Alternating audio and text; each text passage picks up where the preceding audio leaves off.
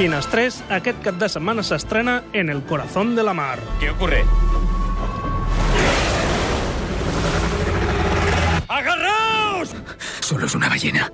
Una lliure adaptació a càrrec de Ron Howard de la història que va inspirar Herman Melville per escriure una de les novel·les més importants de la ficció literària, l'imprescindible Moby Dick.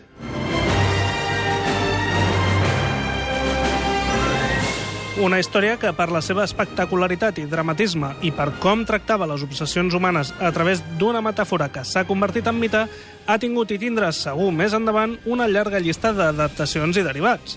Però probablement la més emblemàtica i recordada de totes elles és la que va dirigir John Huston el 1956 amb Gregory Peck de protagonista fent de Capità Ahab. Ens agrada molt recuperar Moby Dick a... La dada de la finestra. ¿La habéis visto, muchacho? Visteis su joroba como una montaña de nieve. Visteis cómo se desliza. Ah, esta vez no escapará. Visteis los arpones clavados en su lomo. Mis arpones. Se los clavé hace años.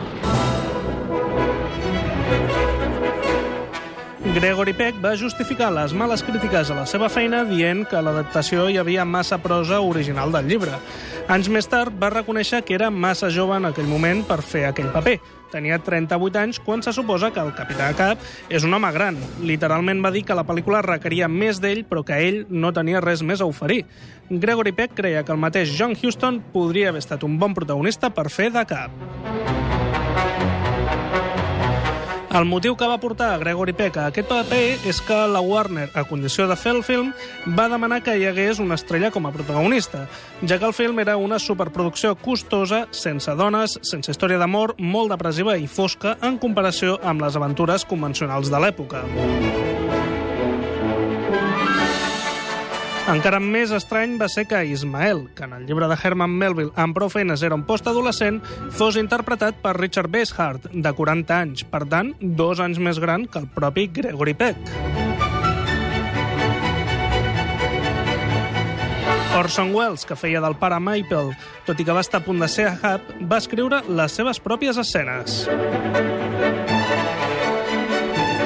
Sabíeu que la cadena de cafeteria Starbucks va agafar el nom d'un dels mariners del Pequot? Starbucks, clar, que interpretava Leo Genn?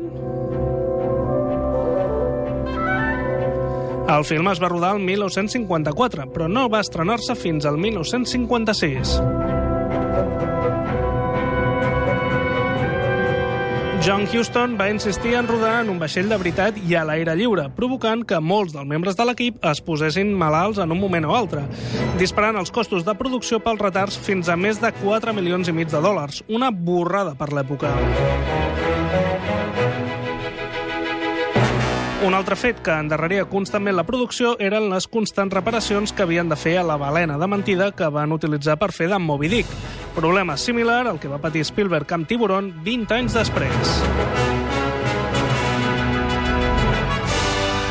John Huston va declarar que era el film més difícil que havia rodat mai. Tornant al tema dels actors, va voler que el seu pare fos el capità Hub, però va trigar tant a aixecar el projecte que quan va començar el seu pare portava 4 anys mort. John Huston li va demanar a Ray Bradbury per escriure el guió Plegats. Bradbury li va contestar que mai havia pogut llegir la novel·la de Melville. El dia següent, Huston va arribar amb una còpia del llibre sota el braç i li va dir que el llegís fins a on pogués. Un altre escriptor conegut, Roald Dahl, va fer alguns retocs al guió.